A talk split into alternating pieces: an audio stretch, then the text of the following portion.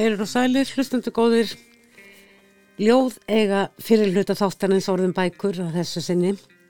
Í nýliðinni viku og í vikunum þar á endan fögnuðu tvö ljóðskáld ný útkomnum bókum sínum. Sunna Dís Mástóttir sendi frá sig sína fyrstu bók í eigin nafni ef svo má orði komast en Sunna Dís hefur verið hluti af skálda kollektífinu Sveikaskáld og í því samhengi átt hlut í einum þremur ljóðabókum auk skáldsögunar Olju sem vakti talsverða aðtikli í fyrra. Nú er það hins vegar ljóðabókin Plómur eftir Sunnudís eina. Jakob Stansovjak er pólverið sem fann orð skáldskaparins um leið og hann lærði íslensku og hefur sannlega fyllt þeirri köllun eftir. Jakob fagnaði á dögunum annari ljóðabók sinni á um það byl ári, úti býður skáldleg veröld, heitir hún. Í fyrra hafði hann sendt frá sér ljóðabókina Næturborgir og hann átti ljóð í safninu Polifóni af Erlendum uppruna. Þau Jakob og Sunnadís verða hér með okkur rétt á eftir, segja frá bókum sínum og lífinu í skálskapnum. Í síðra hlutu þáttarins verði svo hugaða tilnefningum finna til bókmyndavelluna Norðurlandaráðs og rætt við Pietari Kymala sem stjórnar vikulegum bókmyndathætti hjá finska ríkisútvarpinu Yle og hefur á þeim vettvangi sagt frá þessum bókum sem tilnefndar eru. Fyrst splunkunni ljóð.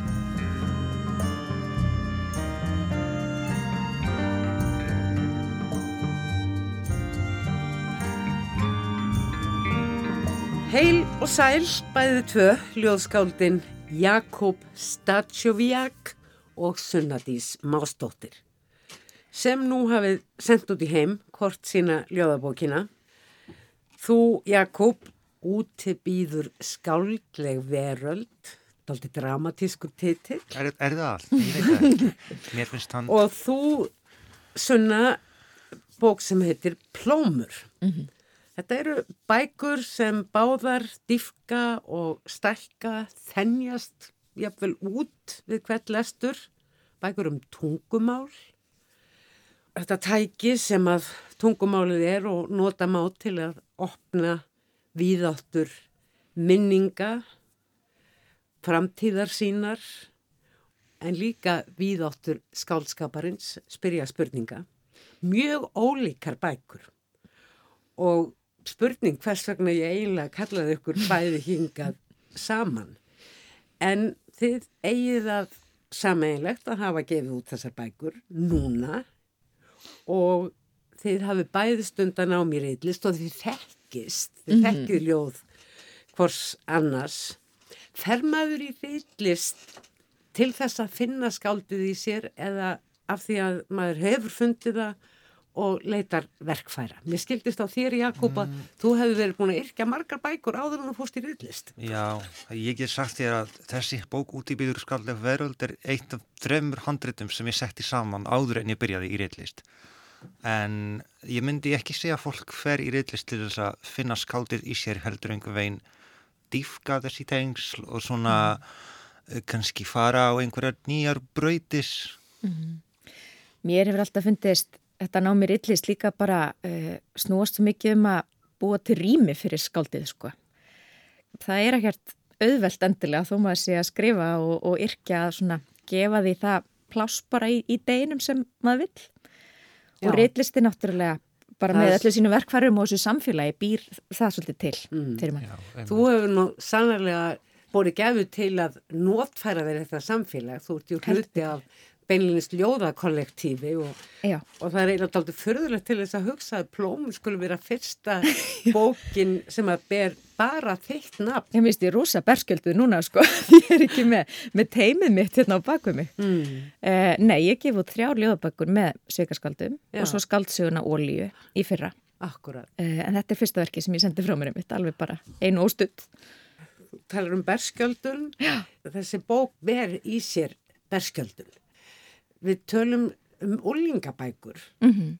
bækur sem eru fyrir úlinga mm -hmm. en þegar bækur um úlinga eru fyrir fullorna þá heitaði gerðan uppvakstasögur eða þroskasögur eða Akkurat. sögur sem að hvernig ég varð skáld og þetta er svolítið svoleiði saga. Já, þetta er svolítið svo lesa. Þetta er svona ákveðið eh, endurlitt, eða ferðalag aftur í tíma og, og uppgjör við einhver tíma sem, sem er liðin og sem var Mm. og fjallar svona um mitt mótunar ár og, og, og hérna, já, unga konu sem stendur frammi fyrir því einhvern veginn bæða að læra nýtt tungumál bókstaflega í Nýjulandi en líka að læra einhvern veginn nýtt tungumál til að ná utanum hana sjálfa og tilfinningarnar sem eru farnar að krauma. Þú flyttu til Svíþjóðar þeim úlingur eða Já, hvað? já, ég gerði það. Ég flutti til Svíþjóðar þegar ég var að verða 15 ára Já. og byrjaði, beint, bara byrjaði mentaskóla, sensku mentaskóla, tveimu vikum síðar og hafði í rauninni held ég ekki sko gert mér grein fyrir því að ég erði jafn mállus og ég var. Mm. Ég sem hef nú alltaf einhvern veginn lesið mikið og, og notið þess að tjá mig í ræð og riti.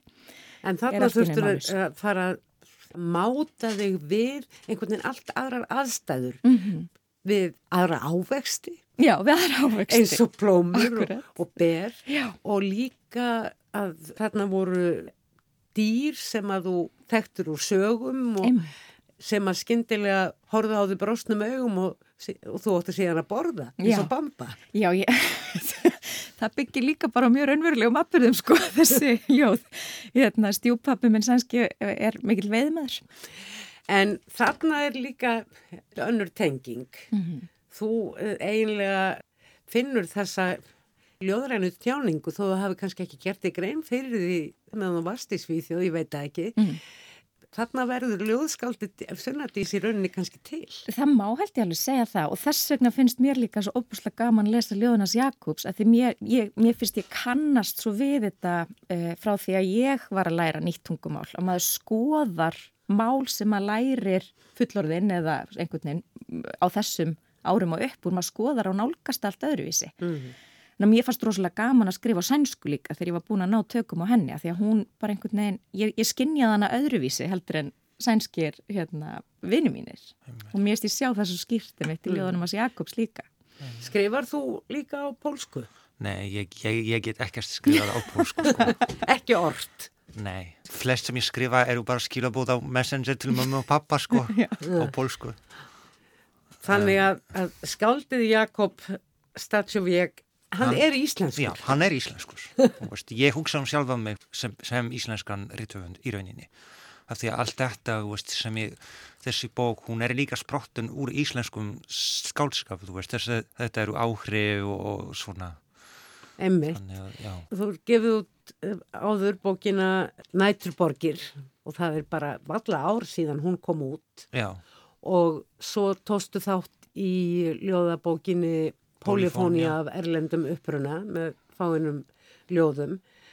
Ég man nú ekki nákvæmlega hvernig þau ljóðin í þeirri bók voru en minnist Næturborga þar sem þú, þú ert svona þreyfa á hlutunum, þú ert að þreyfa á borginu, þú ert að ferðast já, bæði um borgina, milli fólks, um lemdur ástarinnar. Já, en fyrst og fremst ertu einhvern veginn í leit að skáldskapna, leit að hvað, hvað getur tjáningu, hvað er við hæfið að skáldskapurinn inn, inniberi?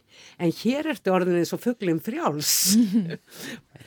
Hendir öllu mögulegu uh, á milli og talar til skálda og, og talar einhvern veginn við íslenska ljóðahefð. Já, þetta er einhver veginn svona samtal, þú veist, og einhver veginn svona við skáld en líka samtal við heiminn meira svona á svona ópinberum nótum kannski.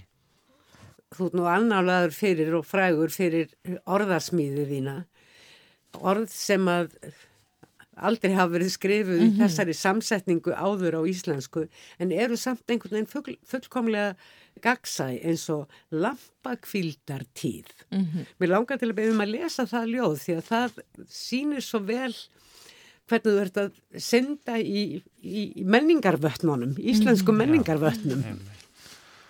Lampakvildartíð. Eftir áttaförum í rökum sandi dagsett ég muskurs upphaf. Frjár stundir líða, eiktarmask. Þá hóar til mín rödd sem er háð vótri náttdömmu. Ég á ekkert skottsilfurs til að færa þess, en setiru fjandafælu undis ullarhufu, mun bráðum koma lampakvildar tíð. Ég finn byr á andliti mínu, heyri silfur skottu segl að sigla til mín í fjöru átt. Þú last þessa bók yfir senna og hefur nú stundar það bæðið að, að kenna rýtlist og gaggrina bækur. Mm -hmm. Er þetta að spyrja Jakob mikið út í þessi orð eða finnst þér þetta bara dásamleg? Mér finnst þetta bara dásamleg sko og mér finnst þetta bara svo mikið leikliði og, og mér finnst þetta svo skemmtilegt og mér finnst svo gaman að fá þessa rödd einhvern veginn inn í samfélagi sem við erum að tala um, skalda mm. samfélagi sko. Þín bók er ekki leikur, hún er alvarleg. Já. Hún kemur djúft úr yðrunum Já. og það sem að mér fannst uh, merkilegt umhugsunarefni í þessari bók er hvernig minningar, áhrif, áhrif af vald sem einhvern veginn er löngu glemt, jafnvel brent, mm -hmm. er samt enn til staðar mm -hmm. og er það ekki það svolítið sem þú ert að fjalla um? Jú, það, það er einmitt þetta sko. Í upphásljóðunum mitt er þessi um, lína ef að, ef að engin mann gerðist þá nokkuð og það er kannski það sem þessi bók er í raunni. Hún er, hún er tilrönd til að muna og skilja uh, og setja í orð eitthvað sem aldrei hafði verið orðað einhvern veginn. Og hvað, og hvað gerist í þeim gjörningi? Mm. Uh, já. Þú saðir í útgáðahófunni að þessi bók hefði svona eins og rauðst fram fyrir önnur Já. verkefni sem þú hefðir verið að vinna að. Ég gerir á þeirra að það, það séu svona skáldleg skriftarverkefni. Já, akkurat. Hvernig ferðlega er þetta? Stendur þið bara af því að vera alltaf að hugsa um þennan tíma og hvernig hann byrtist í þér sem þeirri personu sem þú ert í dag Já, og þú þurfið bara að koma því í orð, einhvern veginn formaða. Já, var svolítið þannig sko, þetta er, hérna, þetta er bara svo við segjum þá alveg bengt út, þá hérna, fjallar þetta miklu leiti um svona samband við vinkonu á mm. ungsárunum sem að ást og vináttu. Ást og vináttu og mörkin þar á milli og, og hérna, og kannski líka með svona hver hefur skilgreininga valdið þar, þú veist, mm. má ég segja að þetta hafi verið ástarsamband ef að svo, þessi vinkona er kannski algjörlega ósamálaði, þú veist, mm. og það, finnst það áhugavert líka og einmitt bara með því að fara svolítið inn í þessa flóru líka, inn í plómvurnar og kirsuberinn og bamban og, og að, að þetta, er, þetta er alveg svona afmarka tímabill Já. í öðru landi sem að ég, það var aldrei neins sérstök þörf á að ræða að þetta tilherði bara þeim tíma og þessum heimi eh, en bara um leið og ég var einhvern veginn aðeins byrjuð og komin búin að skrifa fyrstu tvö ljóðin eða eitthvað svolítið, þá, þá kom þetta svolítið mikið bara og það var, mm. var eiginlega eins og þau hefði bara beðið eftir að láta loksins skrifa sig Lestu kannski ljóðið sem einmitt fjallar um þetta, Sunnadís? Já, ég skal lesa ljóð sem heitir 20 ár. Og enn langar mig að vita hvort þú elskaðir mig líka og ákvaðst að það væri ekki nóg eða hvort þú elskaðir mig ekki nóg. Ég þór ekki að spyrja. Á síðun á móti mm -hmm. er ljóð sem heitir Sænska mér finnst það reyndar svona eiginlega stinga í stúfaðins við hinn ljóðin í, í bókinni. Mm -hmm. en þú verður náttúrulega í svona bók verður að koma inn á tungumálið. Já. Og við langar eiginlega til þess að fá það líka Til að fá það líka, já, ég skal lesa sænsku líka. Sænska. Við mættumst í dimmunni. Þar náðu við saman. Ég steg út úr myrkrinu Þú þokunni dimman einskismannslandið á millokkar. Það fallega orð. Það fallega dimman. orð, já. Sem þýðir þetta. Tvent, tvent ólíkt af málunum tveimur. en talandi um þessa heima, getur þú ímyndaður Jakob að þú er eftir að ná í polska heimiðin hingað inn til okkar? Mm, nei, ekki í, í auðvitaðblíkunu sko. Það veit aldrei maður ver, veit aldrei eins og maður segir en, en þú veist ég veginn gæti ekki minnað mér að þú veist til, til dæmis að flytja aftur til Póland af því allt sem ég læriði læriði ég hér, þú veist, íslensku fór í háskólanám og ég, ég er ég hér, mm. einhver veginn. Þetta er mikið svona sk skilgreiningar máttur í þessu einhver veginn. Og finnst þér þinn ljóðheimur vera eins og hver annar íslenskur ljóðheimur? Engin ljóðheimur er eins. Jú, það eru svona mörg tengsl á milli þó. Þannig að fyrir mér er þessi bók út í byður skáldlega verð, hún er bara all íslensk. Já, hún er mjög Þó að, íslensk. þú veist, margir lesendur, þú veist, segja mér, þú veist, að þetta sé óvenjuleg bók og einhver veginn svona ólík og, en ekki fyrir mér, sko. Ég man þegar ég las Næturborgir að þá var ég svona, ég segi ekki hnjóta en ég tók eftir þessum orðum sem þú býr til. Það var ekki svona mikið af því eins og í þessari bók. Nei. Alls ekki, en það voru samt skrítin orð, ef svo má orði komast. já, En skrítin orð eru jú efni viður ljóðskálda, það sem að sprengir Já, já, merkingu. En í þessari bók þar sem að þú eh, gerir svo mikinn leik úr öllum þessum orðum og, og, og samsetningu orða að þá finnst mér þú eiginlega orðin alíslenskur.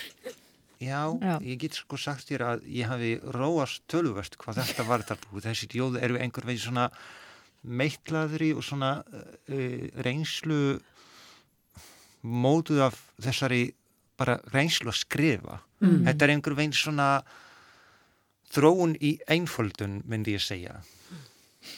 En hvernig er tilvist skálds á Íslandi í dag? Þeir eru svona að þreyfa fyrir ykkur en þeir hefur komið víða við.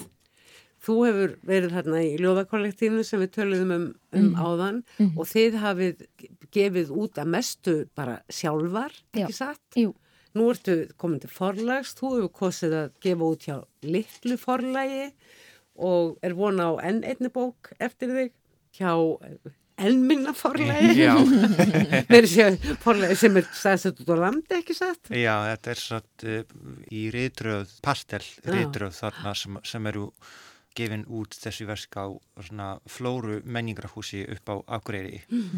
Og þetta eru hundrað eintök númeruð og, og árituð, prentuð og ekki endursprentuð. Þannig að þetta er eitthvað svona lítið og krútleg sem þú gerir bara fyrir sjálfan þig. Já, í rauninni. en oft á tíðum er þetta mjög tilrunakendir tekstar eftir viðkendar rithöfunda en líka eftir bara fólk sem að dettur í að vilja skrifa eitthvað eða teikna eitthvað sem að mætti gefa út á bók. já, já, þetta er svona vettvangur og og svo mikilvægt að hann sé til líka, finnst mér sko. Já, Og þessi sko. litlu forlög og hérna, þessi breytt.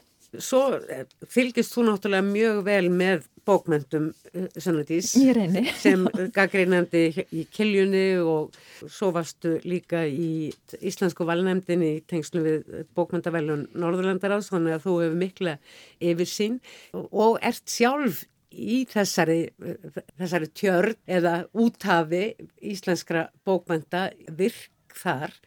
Hvers stór er þessi heimur? Það verður svona mikil gerjun. Já, hvað segir Jakob? Já, sko, ég myndi segja að hann sé frekar stór og hann, hann er í rauninni bara að stækka og veist, það, það er bara svo mikil gróska í ljóðaheiminum og, og bara íslenskum bókmyndum alveg að, að þetta sé næstum skelvilegt, þú veist. Svomargar bækur, þú veist, sem eru gefnar út. Þetta er einhver svona snjókúlan, skilur Já. Snjóboltin sem stöðust uh, bætur Rúllar, utan á já. sig Já. eftir því sem hann veltur áfram. Ég ætla að við höfum staðið fyrir mánæðilegum ljóðakvöldum núna svikaskáld í Gröndalshúsi í alveg, hvað, 2-3 ár örgla og það bara hefur aldrei verið vandamál að, að fylla þau Mm. kvöld af, af spennandi skáldum sko, sem eru úr öllum áttum. Og spennandi hl- hlustendum, njótendum ljóðum Já, líka. já, einmitt. Mm. Mér finnst þetta að vera stór heimur sko. Já, Já, alveg ég stór. held það. Og hann, finnst hann bara vera einhverjum blóma. Og, já. Já, það er mikið að gerast. Já. og uh, mjög margvíslega ljóð en mjög mikið af ljóðum sem eru, já, svona persónleg tjáning. Eins og ég myndi segja að plómur væru og er ákveðið stórt verkefni þegar að ljóðskáld fer út í slíkt að gefa því eigað síður víðari skýrskotun út Akkurat, það er samt svo oft hann finnst mér allavega að bara þegar maður er að skrifa eða fjalla um það allra personlegasta sem að einhvern veginn, mann finnst þér algjörlega kjarnin og mm. trúur ekki að neitt annar geti haft áhuga og það er yfirleitt þá sem að fólk tengir sko, hefur mér fundist. Það er meitt. Í rauninni allt sem þú skrifar er personlega bara svona mm -hmm. í, í, í gruninu en þetta er einhver veginn... Og kannski sérstaklega í ljóðum. Já, en ég myndi segja að það sé svona mikil svona berskjöldun í gangi. Mm -hmm. Ef þú húksar til dæmis um, um þetta hugta svona creative non-fiction eða þarna sannsögur, þetta er einhver veginn bara þetta er ég og ég er bara nakin mm.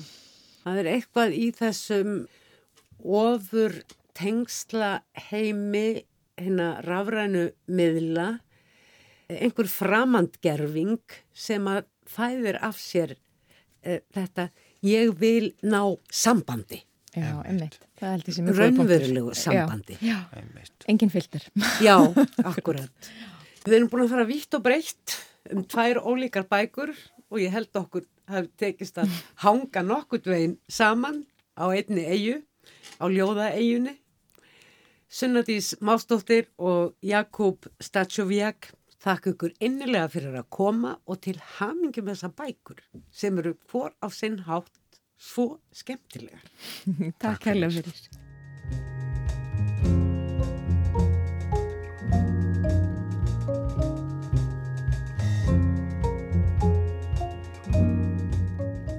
En svo venni hefur verið all þau 60 ár sem tilnæmt hefur verið til bókmyndavelluna Norðurlandaráðs er önnur bókin sem finnar tilnæfna skrifuð á finsku en hinn á sænsku.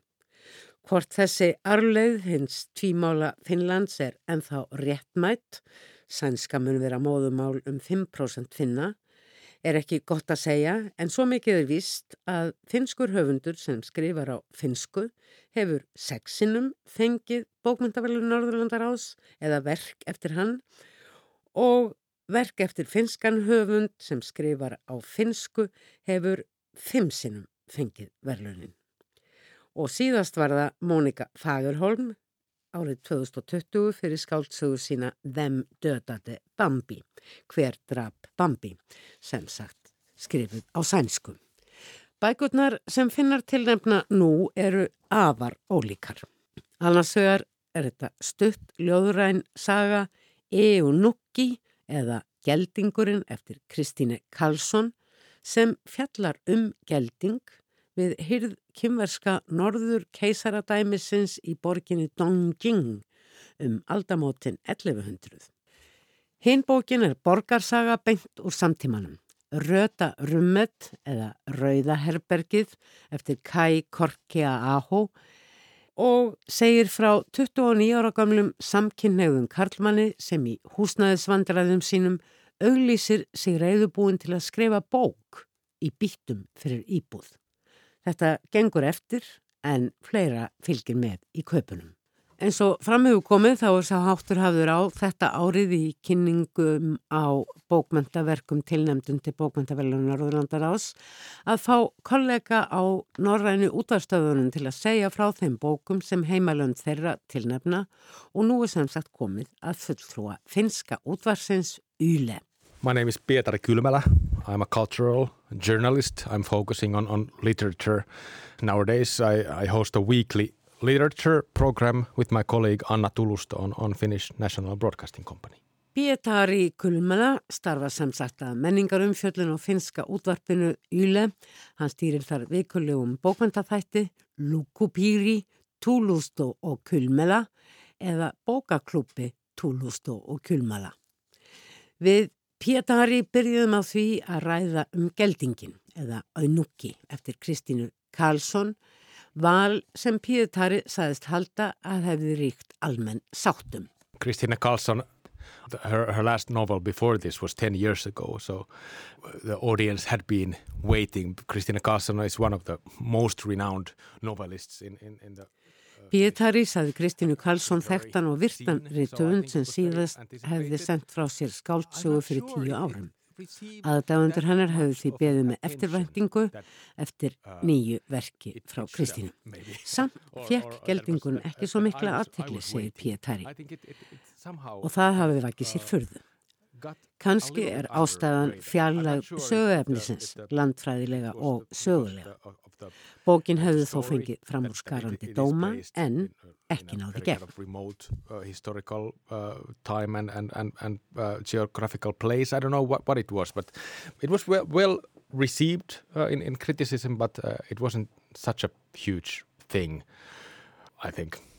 En svo fyrrsagði þá gerist sagan um geldingin í Kína, nánar tiltekið í Dongjing, höfust af norður Song keisaradæmisins og árið er 1120.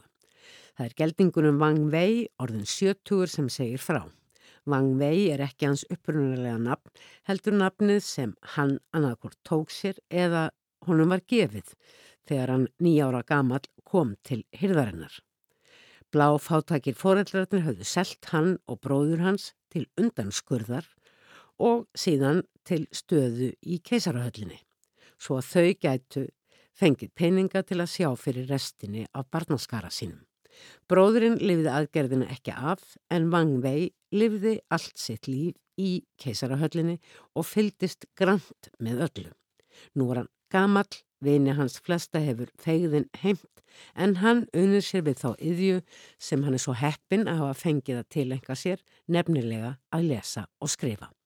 Og þótt líka minn sé orðin gamall, rennur skinn sem er mín tær sem fjallalækur eins og hann orðar það í upphafi.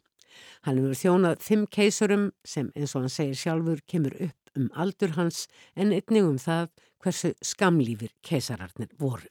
Gleði og ákjæfð fyllir hugminn þegar ég átta mig á að ég er ekki dáin.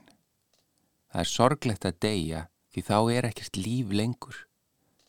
Gleði mín er svo mikil að hún rúmast ekki í hjarta mínu, höfðunu eða lungonum. Ég er við það að deyja úr gleði. Ellin er í samanburði við dauðan melankólísk. Hver er ég? Hver var ég? Hver hefur áhuga á því? Kanski var ég manneskja, kanski geldingur, storkur, sníill, froskur, önd, hallarhundur eða kannski bara klessan sem hallarhundurinn skildi eftir sig. Ellin stjakar manneskjunni yfir mörkin nema maður sé keisari eða ómerkilegur geldingur. Gamlingi er engum ógn og engin vill veri liði með þeim döðadæmda. Allir segjast á banabeði hafa lifað góðu lífi. Lífið hafi kannski verið erfitt, fullt af fátækt og örvendingu. Til hvers þá að halda áfram að lifa? Jú, dauðin er þrátt fyrir allt verri en heið auðmasta líf. Engin skildi sína dauðanum auðmygt og alls ekki smjadra fyrir honum. Sá sem byður einhvers kengbógin tekur ekki eftir því að fá eitthvað. Kosturinn við ellina er að geta hugsað jafnvel þótt líka minn spyrni við.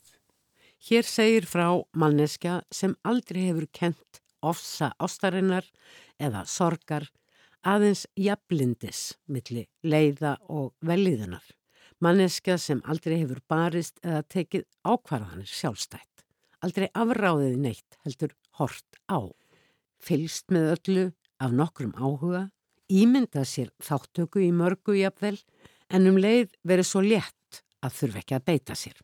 Og þannig er líka líkami vangveis, mjúkur og einhvern veginn nöttóttur. Þeim lesanda sem hér talar koma líkneski af butta upp í hugan. Vald vangveis yfir sjálfum sér vekur aðdáan. Vald sem líkist valdi höfundar yfir personum sínum en napsitt hefur Wang Wei frá raunverulegu kýmversku ljóðskáldi sem uppi var á áttundöld. Þrátt fyrir valdaleysi sitt fylgist Wang Wei grant með hverskins valdabröldi við hyrðina, þar sem klár kynjaskipting er jú undirlikjandi og þótt dauðin og öldrun, vináta, einmannarleiki og almenn mannleg tilvist Í skáldskap skýrskoti æfinlega til þess tíma sem viðkomandi skáldskapur er settur fram í, þá er það ekki síst kynleysi aðal sögupersonunar annarsvegar og greinandi sjónarhorn hennar á kynjaskiptingu umhverfisins sem mér fannst gefa sögunni sérstaka skýrskotum til samtíma okkar, þar sem kynverund hefur verið að leysast úr föstum tvendarskorðum og er orðin all flæðandi. Pietari Gulmala var ekki sammála mér í þessu. Hér væri ekki á ferð neins konar allegória eða táknsaga. The question of gender is, is very much in, in, the, in the surface, in, at least in, in the Western, Western countries uh, nowadays. And of course that, that kind of creates some sort of like uh, perspective or point of view to this to this novel. But it's not a it's not an allegory. It's it, the, the Christina Carlson's novel somehow even, even kind of refuses to comment on, on Vissulega er í samtíma okkar á Vesturlöndum mikil umræða um kyn og kynverund, segir Pietari Kulmala. Uh, uh, og það yfirfærum við auðvitað á texta Kristýnra Karlsson. Hún sjálf haldi sig hins vegar algjörlega innan þeirra sögulegu marka sem hún setur sögu sin, sem gerir hann að sínuleiti afar vel til fallna til markbreytilegra tólkuna. Samanburður við flæðandi kyngerfi dagsins í dag á Vesturlundum sé hins vegar ekki viðegandi, segir Pietari. Svo aðgerð sem Vang Vei undir gegn sem drengur er afgerandi og óafturkræf og hann var aldrei spurður. Þetta hefur hins vegar í för með sér að sjónarhort hans á kynjakerfið, segir Pietari, verður einstakt og engar afhjúpandi fyrir valdakerfið við keisarahyrðina og það er þetta hlutlösa gaggrinnisauga, segir Pietari, sem undirbyggir samtíma skýrskotun sögunar og vekur upp gaggrinnar spurningar að mínum mati. But of course, this, this point of view to the whole society, it, it, it creates a very kind of specific and, and also very critical uh, perspective. And, and I think that's, that's very contemporary somehow. It, it, it, it provokes a lot of questions. But it's not an allegory. Við Pietari rættum svo litið um stílsögunar líka en stílin er tær og einfaldur, setningar eru stuttar, oft ljóðrannar og minna á gömul, kynversk og japansk spekiljóð. It plays with the, with the tradition of, of Chinese uh, wisdom lit literature and, and Chinese poetry. But Christina Carlson's own style Pietari segir þannig knappa stíl enkennandi fyrir verk Kristínu Karlsson tær og að þeir verist einfaldur en femmun merkingar þrungnari undir niðri sem gerir kröfur til lesanda. I think it, it's, it's very poetic at the same time easy and, and somehow very hard. Uh, it takes a lot of time uh, to, to grasp the whole thing that she's doing. Svo er þetta auðvitað saga um endalók, segir Pietari, uppgjör, að komast af einhverjum sannindum um lífsitt anspænis döðanum. It's also very relieving for me that this person doesn't pretend to be wise in any way. Sérlega áhrifamikið, segir Pietari Kulmala, er að Wang Wei skuli aldrei láta eins og hann búi yfir visku.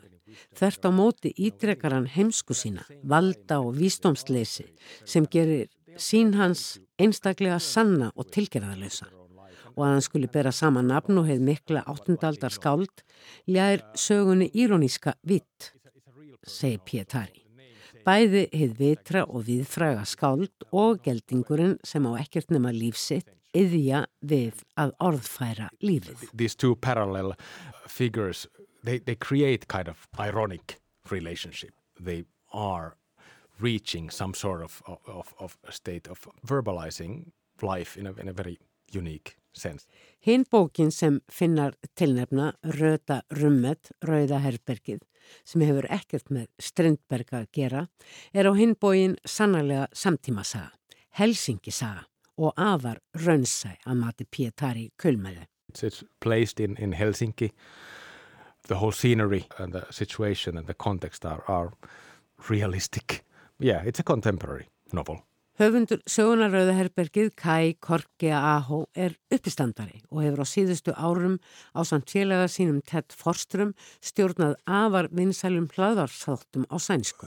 I, I think Kai Korkea Aho as a, as, a, as, a, as a character outside of, of, of, of his Rauða herbergið er fjórða bókin sem hann sendir frá sér en fyrir bækur hans virðast mér að fjalli allar um unga menn og hafi þær fengið góðar viðtökur í sænska samfélaginu Finnlandi. Þó verði jafn harðan þýttar yfir á finsku eins og Pietari Kulmala staðfesti. into Finnish, so he's read country-wide. Aðal persóna bókarinnar er eins og áður sagði 29 ára gammal samkynneðu Karlmaður og hann segir frá í fyrstu personu. Og Pítari Kymala staðfestir við mig að nafn hans komi hverki fram í sögunni. Yes, now that you mention, I think he is without a name, yeah. Ungi maðurinn er augljóslega ágætlega listrætt. Hann bæði spilar á óbó í Alheims hljómsveitinni sem er klassísk og hefur auk þess skrifað einar þrjár bækur og fengið útgefnar. Í byrjunsögunar er ungi maðurinn nýfluttur aftur til Helsingi eftir að hafa búið í Berlin um hríð en þángað hafðan eld síðasta ástmannsinn sem hafði reynst tvöfaldur í róðinu á ymsan máta og sambandið endar með miklum vombriðum. Aftur heima í Helsingi hefur sögumöður fengið inni á heimili föðursins og stjúpmóður. Honum líkar afleitlega að vera aftur komin í föðurhús langt frá yðu skemmtanalífsins í Helsingi. Á endanum setja hann og Lotta, vinkona hann sem einnig spilar í hljónsveitinni, auglýsingu í höfustadsbladið. Þar sem ungi maðurinn auglýsi sér reyðubúin til að skrifa bók í bítum fyrir 30 fermetra íbúð í hennu vinsala hverfi í söður Helsingi. Og viti menn, þetta gengur eftir. Eldri herramaður Æmo Kangas vill gjarnan gera þennan díl og áður en ungi maðurinn veit af hefur hann dreyjist inn í flókið samband við Kangas Samband sem snýst um tröst, kynferðisblæti, sadomasokisma og spurninguna hversu langt er hægt að ganga til að uppfylla drauma annarar mannesku. Hversu langt er hægt að ganga í að fremja list í nafni annarar mannesku. Þetta er samsagt saga um samskipti og tengsl, ekki síst samkynneira í Helsingi eða hvernig má lýsa umfjöllunarefni þessara rúmlega 400 blaðsíðna ég Pietari Kulmala. That's a good question. It's about, about human relationships, uh, kind of entanglements that, that, uh, that people go to with, it, with each other. I read it as a story about a city. Pietari segir þetta áhugaverða spurningu en það sé ekki auðvelt að lýsa innihaldi sögunar Rauða Herbergi. Hún fjalli vissulega um sambönd en í hans huga sé þetta fyrst og fremst saga um borg, ákveðna borg. Sögum að þau drægist inn í BDSM tilveru húsegandans Kangas vissulega. Margar lýsingarnar í því samhengi séu hispuslausar.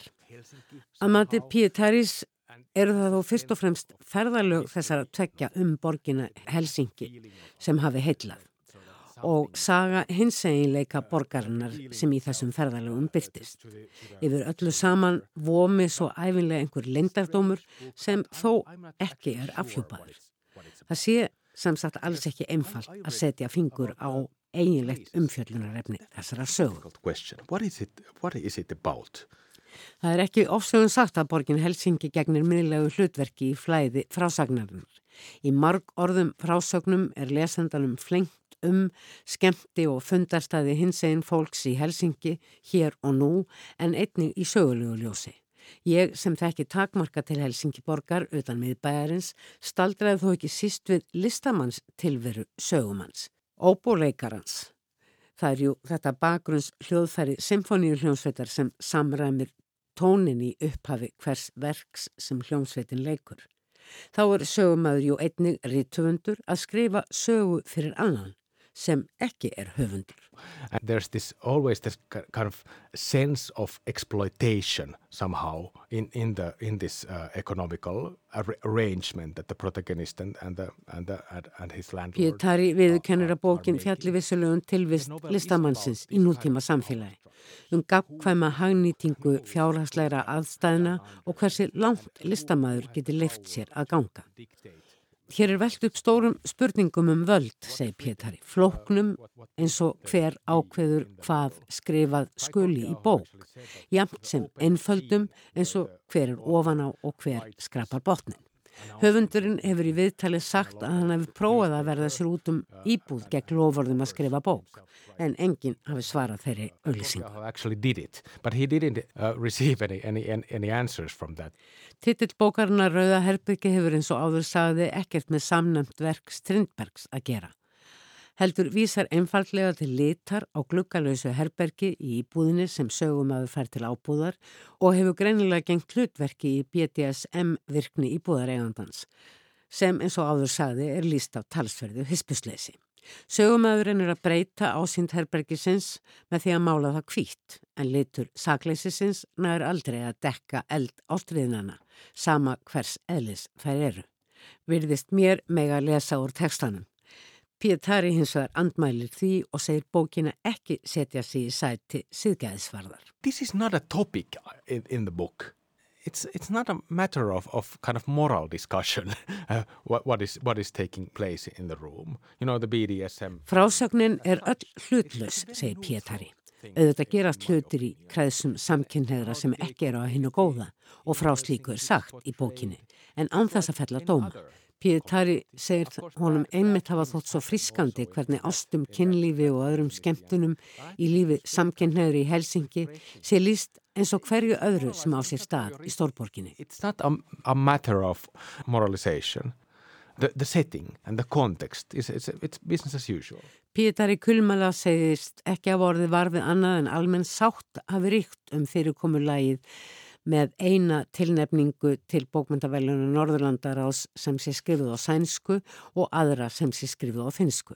Þetta er í samræmi við samfélagsáttmála finsk sænsku tengslana, segir hann. I, I think the Finnish kind of political tra tradition in regards of, of Nordic Council is that, that, the, that the Swedish speaking population and, and, and and, and politics like represented in, in that so I think it's, it's very natural. That could be one of the reasons that Nordic Hvort þetta fyrirkomulag heldur hann svo áfram kemur niður á almennum áhuga fyrir velununum og geraða verkum að fólki finnist þetta allt mjög fast í hefðum er svo önnur saga.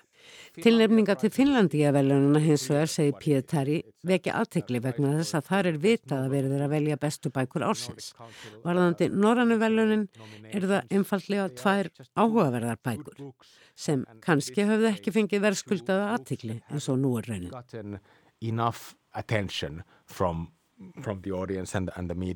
Menningablaðamadurinn Pietari Kulmara segist ekki hafa hugmyndum hvort hér séu veluna bækur á ferð en það þekkja hann því miður ekkert til bókana sem hinn löndin tilnefni. I'm not sure if they will win, I don't have any opinion about that, but I'm, I'm very glad. Sjálfur sé hann hins vegar mjög ánaður með valið á þessum bókum sem báðar séu áhugaverðar og skemmtilegar aflæstur. And, uh, and the topics are really, really interesting.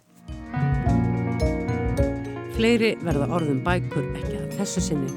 Þæknimaður þáttarins var Jökull Karlsson. Takk fyrir að hlusta. Verði sæl.